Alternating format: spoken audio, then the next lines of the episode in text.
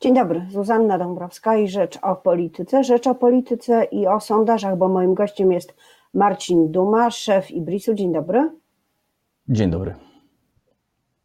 E, Polska grozi wetem budżetowi Unii Europejskiej, odrzuceniem funduszu odbudowy. Trwają bardzo zażarte negocjacje, o ile w ten sposób tę groźbę można nazwać, a wszyscy y, eksperci i uczestniczy uczestnicy życia politycznego ekscytują się sondażami, czyli tym, co wynika z sondaży dla stosunku ogółu Polaków, większości Polaków do Unii Europejskiej. E, Ibris także robił wiele takich badań, od podstawowego pytania o referendum do bardziej dokładnych kwestii wyznaczających właśnie ten stosunek. Czy można odpowiedzieć na początek e, jednym zdaniem, jaki jest stosunek Polaków do Unii Europejskiej? Jednym zdaniem, stosunek Polaków do Unii Europejskiej jest bardzo dobry. E, tylko, że to nie obrazuje jakby w pełni tego, tego nastroju czy tych, czy tych emocji, które towarzyszą nam, kiedy myślimy o Unii Europejskiej. To zacznijmy od początku, czyli od tego, gdyby zrobić referendum na przykład w najbliższą niedzielę, czy też e, bardziej dokładnie będzie zapytać e, w mijającą niedzielę, bo tego dotyczyła większość sondaży to jaki byłby poziom tego przypisywanego nam euroentuzjazmu i skąd on się bierze, Pana zdaniem?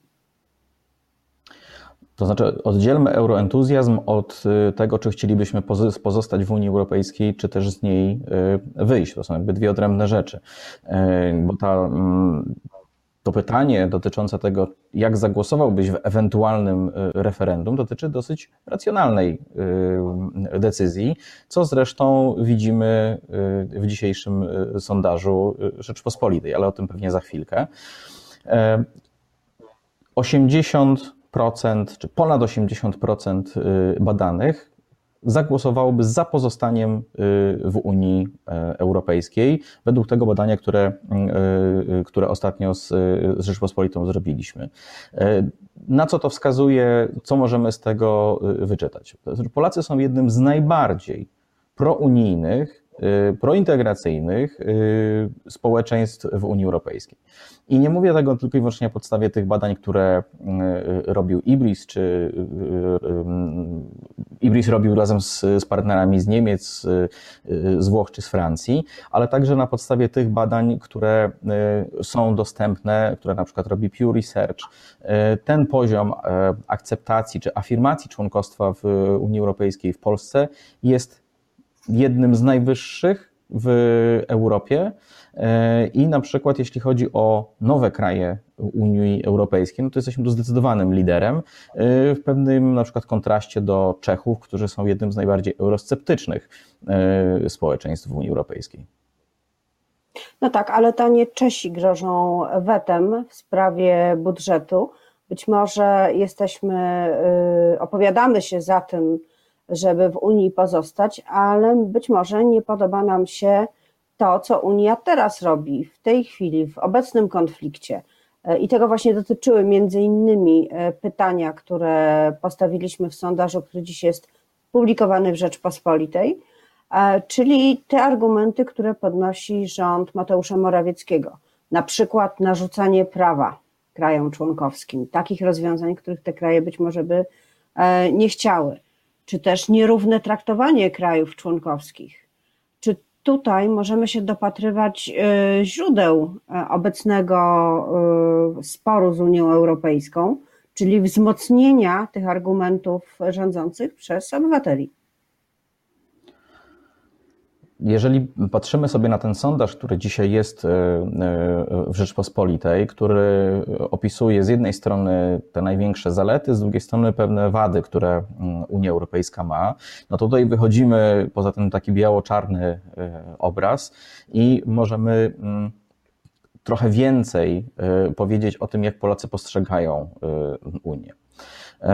W jaki sposób, w jaki sposób my do Unii Europejskiej podchodzimy, jakie minusy e, Unii widzimy? No przede wszystkim e, taką rzeczą, która ujawniła się już jakiś czas temu, to znaczy w tym badaniu, które robiliśmy 4 e, lata temu, w 2016 roku, także z Rzeczpospolitą, Polacy mają pewien problem godnościowy, jeśli chodzi o Unię Europejską. Co to znaczy problem godnościowy w Unii Europejskiej Polaków? Mm, chcielibyśmy, żeby nasza pozycja była adekwatna do naszych, może nawet niemożliwości, ale do naszych aspiracji. To znaczy, że w momencie, kiedy wchodziliśmy do Unii Europejskiej w 2014, 2004 roku, e, no byliśmy takim ubogim, krewnym krajów starej Unii. Ale przez ten czas, oczywiście także za pomocą środków unijnych, e, Polska się zmieniła, wypiękniała. E, Polacy stali się bardziej zamożni i oczekiwalibyśmy jako społeczeństwo trochę, trochę innego traktowania Polski i Polaków niż to, co dostajemy w tej chwili. I nie dochodzi, że nas Unia jako całość źle traktuje, ale e, w tej całej retoryce e, wewnątrz unijnych dyskusji są kraje, które traktują Polskę mm, czy są przywódcy krajów w zasadzie, którzy traktują Polskę e, w sposób, który mm, w jakiś sposób narusza poczucie godności Polaków. Znaczy mówię o Francji i Holandii. Oczywiście nie o to chodzi, że prezydent y, Francji czy premier y, Holandii nie lubi Polaków, tylko oni prowadzą politykę na użytek y, swojej wewnętrznych, wewnątrzkrajowych sondaży, wewnątrzkrajowych wyborów. No niemniej jednak efekt jest taki, że czujemy się gorsi, a chcielibyśmy się czuć lepsi. W jaki sposób ma się to do weta i do tej całej, co do tej, tej całej y, sytuacji? No ma się o to tak, że to weto y, jest, y, wpisuje się w takie oczekiwanie pod tytułem musicie się z nami liczyć. To nie jest tak, że możecie nas przesuwać z kąta w kąt, bo jesteśmy małym europejskim krajem, który tutaj mnie czapkę w takim półskłonie przed, przed krajami starej, starej Unii. I w tym obszarze na pewno rząd Mateusza Morawieckiego prowadząc taką politykę nie musi liczyć się z mm, jakimś takim rykoszetem, którym ta polityka może go trafić. No Druga tak, rzecz ale... jest jeszcze taka, jeśli chodzi o to weto, bo to jest jeszcze jedna ważna, istotna rzecz, jeśli chodzi o to weto, która także w jakiś sposób jest widoczna w tym naszym sondażu. To znaczy, że pieniądze, które płyną z Unii Europejskiej, są jednym z dwóch ważnych elementów. A Polacy są w pewien sposób przekonani, że jeżeli wejdzie ten mechanizm e, pieniądze za praworządność, to te pieniądze mogą być nam, czy raczej, że zostaną zabrane. W związku z tym, jak mamy do wyboru e, środki, żeby te pieniądze nie były zabrane, z jednej strony możemy przywrócić praworządność, co Polacy, e, tak jak ją rozumie Unia Europejska, w co Polacy prawdopodobnie wierzą mniej, lub postawić weto, no to weto wydaje się być takim szybszym i łatwiejszym rozwiązaniem tego, żebyśmy tych pieniędzy nie stracili. E, tak, ale jest duża zmiana w porównaniu z tymi badaniami z 2016 roku. Zmiana dotycząca takiej wady, jaką mogłoby być narzucanie prawa, rozwiązań prawnych przez Unię krajom członkowskim. Wtedy 42% badanych mówiło, że jest to problem i była to wada, która na tej liście wad unijnych była na pierwszym miejscu. Teraz e, liczba osób, e, odsetek osób e, potwierdzających, że jest to wada, zmalała do 29%.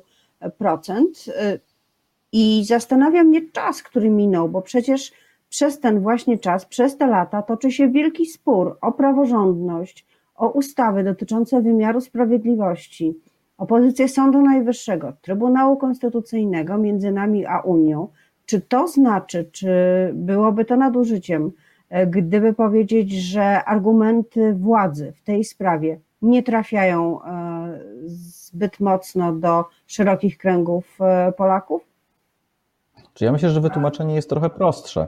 Otóż wtedy, kiedy to badanie w 2016 roku było prowadzone, byliśmy w szczycie sporu o Trybunał Konstytucyjny. Natomiast teraz zarówno spory, jeśli chodzi o Sąd Najwyższy, czy jeżeli chodzi o e, wiem, Izbę Dyscyplinarną, która jest takim trochę, myślę, że trudnym tematem dla, dla Polaków, czy Trybunał Konstytucyjny, one po prostu zwyczajnie e, przygasły. Albo inaczej, nawet nie tyle przygasły, ile zostały e, w jakiś sposób przykryte przez zupełnie inne problemy. A jakież to problemy mamy? Ano, mamy przede wszystkim COVID, który w zasadzie wyzerował tematy przedcovidowe i mamy temat aborcji, który no także przykrył tak wszystkie inne. Także, także z jednej strony mamy aborcję, z drugiej strony mamy COVID i te dwa tematy w zasadzie rządzą tym, co zarządzają pewną taką sferą emocjonalną, y, y, pewnymi lękami, tym, czym się y, Polacy, Polacy w tej chwili, na czym, na czym się koncentrują. Czyli nie koncentrują się na sporze Polski z Unią Europejską w zakresie praworządności. E, pomijam to, co, tę, sytuację, która akurat teraz, teraz się dzieje, ale to jest nie tyle, przynajmniej tak jak wynika z badań, nie tyle spór o praworządność, ile spór o pieniądze. I tak jak Pan powiedział, spór godnościowy, czyli o to równe traktowanie, o to, żeby nas nie, nie przestawiano z kąta w kąt, ale zastanawia mnie jedno. W wielu badaniach teraz, które dotyczą sceny politycznej, choćby w zwykłych preferencjach partyjnych, w czasie protestów, e, była duża grupa osób, które e, nie miały zdania, nie wiedziały, którą z opcji wskazać, na przykład z opcji partyjnych. Badaniach europejskich, mimo że materia bywa bardzo skomplikowana, wydaje się, że respondenci mają sprecyzowany pogląd i ta grupa osób, które wybierają opcję nie wiem, nie potrafię powiedzieć, jest y, niewielka. Czy to znaczy, że my jesteśmy dobrze poinformowani w sprawach unijnych, czy to znaczy, że e, wybieramy pewne odpowiedzi bardziej emocjonalnie, czy instynktownie, czy zgodnie z tym, co mówią partyjni liderzy?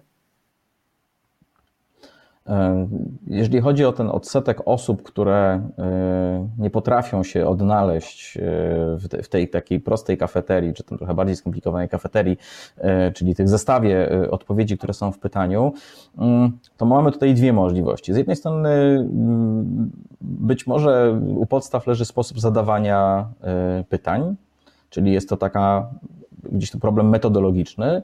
Z drugiej strony może być rzeczywiście tak, że pewna temperatura sporu politycznego w Polsce e, i bardzo jasno zarysowana linia podziału ułatwia respondentom no, jakby tak podjęcie e, ostatecznej decyzji, a nie niuansowanie między e, albo oczekiwanie na to, co, co się może jeszcze wydarzyć, żeby zająć określone stanowisko. Przy czym oczywiście należy pamiętać, że to nie jest tak, że Polacy są zdecydowani w ogóle i we wszystkich tematach, bo jeśli spojrzymy na przykład na mm, sondaże preferencji politycznych, to w ostatnich y, tygodniach widzimy znaczący wzrost osób, które są niezdecydowane i no wcale tak łatwo nie wskazać, wskazać y, y, ugrupowanie, na które chcieliby zagłosować. Więc jeżeli mówimy o A teraz... O czym to świadczy? O czym to świadczy? To, bo rzeczywiście... Tak, ja miałam na myśli właśnie porównanie tych sondaży partyjnych z kompleksowym badaniem europejskim e, i zdziwiła mnie taka dysproporcja e, w grupie osób, które nie mają zdania, nie chcą wskazać rozstrzygnięcia.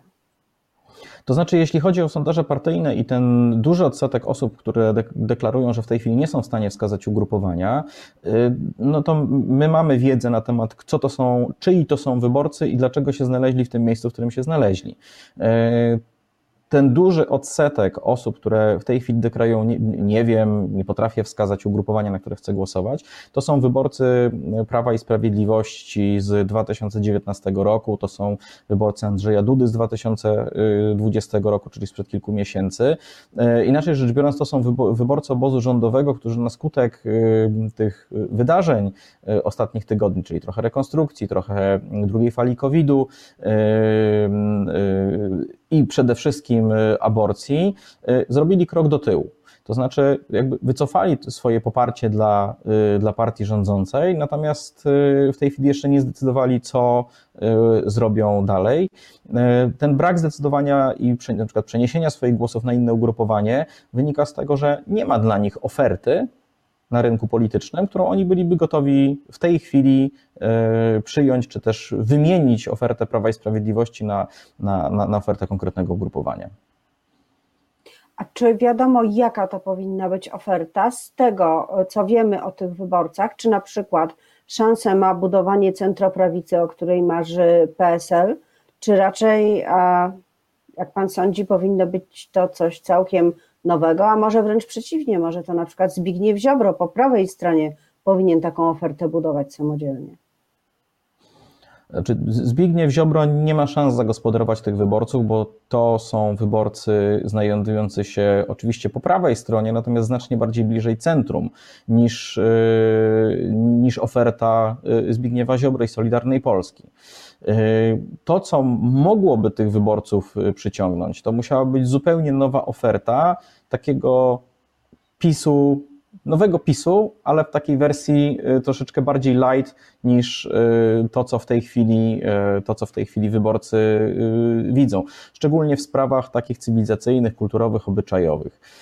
To jest jakby pierwsza rzecz. Druga rzecz to jest to, kto to ma kto miałby to tworzyć, żeby to byłoby wiarygodne. No, wydaje się, że tutaj taką metodą, która z, mogłaby zbudować zainteresowanie wyborców byłoby rozmnażanie przez podział, to znaczy y, to musieliby być ludzie, którzy w jakiś sposób byli kojarzeni z prawem i y, y, sprawiedliwością, E, którzy odchodzą i taki ruch y, zakładają. Bo oczywiście, że idee są ważne, natomiast y, równie ważne co idee są ci, którzy je głoszą, to znaczy ich wiarygodność y, przekazu. I to w zasadzie jest tu i teraz. Ja nie mówię, że za nie wiem, 3-4 miesiące czy za rok ta sytuacja się jednak nie zmieni. Natomiast w tu i teraz to byłaby ta oferta, którą, której ci wyborcy by poszukiwali. Oni nie są gotowi przejść do jeszcze do Szymona Hołowni, nie są gotowi przejść do e, PSL-u, no o Platformie Obywatelskiej czy Koalicji Obywatelskiej już nawet e, nie mówiąc. Te bariery, czy też ten, ten, ta linia podziału, którą Prawo i Sprawiedliwość, e, czy Zjednoczona Prawica wyrysowały przez ostatnie lata, jest na tyle mocno zarysowana, że przejście do, na drugą stronę jest bardzo, jest bardzo trudne. Ja wiem, że istnieje taka pokusa, czy też pojawiły się takie publikacje, że, że Szymon Hołownia ma dużą szansę pozyskania tych wyborców, którzy w zasadzie profilem powinni przypominają wyborców y, y, PiSu. Natomiast jeśli spojrzy się tak y, w głąb tych badań, to okazuje się, że Szymon Hołownia żywi się głównie wyborcami Koalicji Obywatelskiej, troszeczkę PSL-u, natomiast ten odsetek wyborców PiSu, których on jest w stanie pozyskać, czy których już pozyskał, jest na tyle niewielki, że w zasadzie możemy mówić o, o, o tym, że to się odbywa w granicach, w granicach błędu. Jedno jest pewne, na scenie politycznej bałagan, żeby nie powiedzieć e, wielki ruch. E, czekają nas zapewne zmiany, którym oczywiście się razem z Ibrisem będziemy przyglądać. Bardzo dziękuję za e, dzisiejsze analizy. Moim gościem był szef Ibrisu Marcin Duma. Dziękuję bardzo.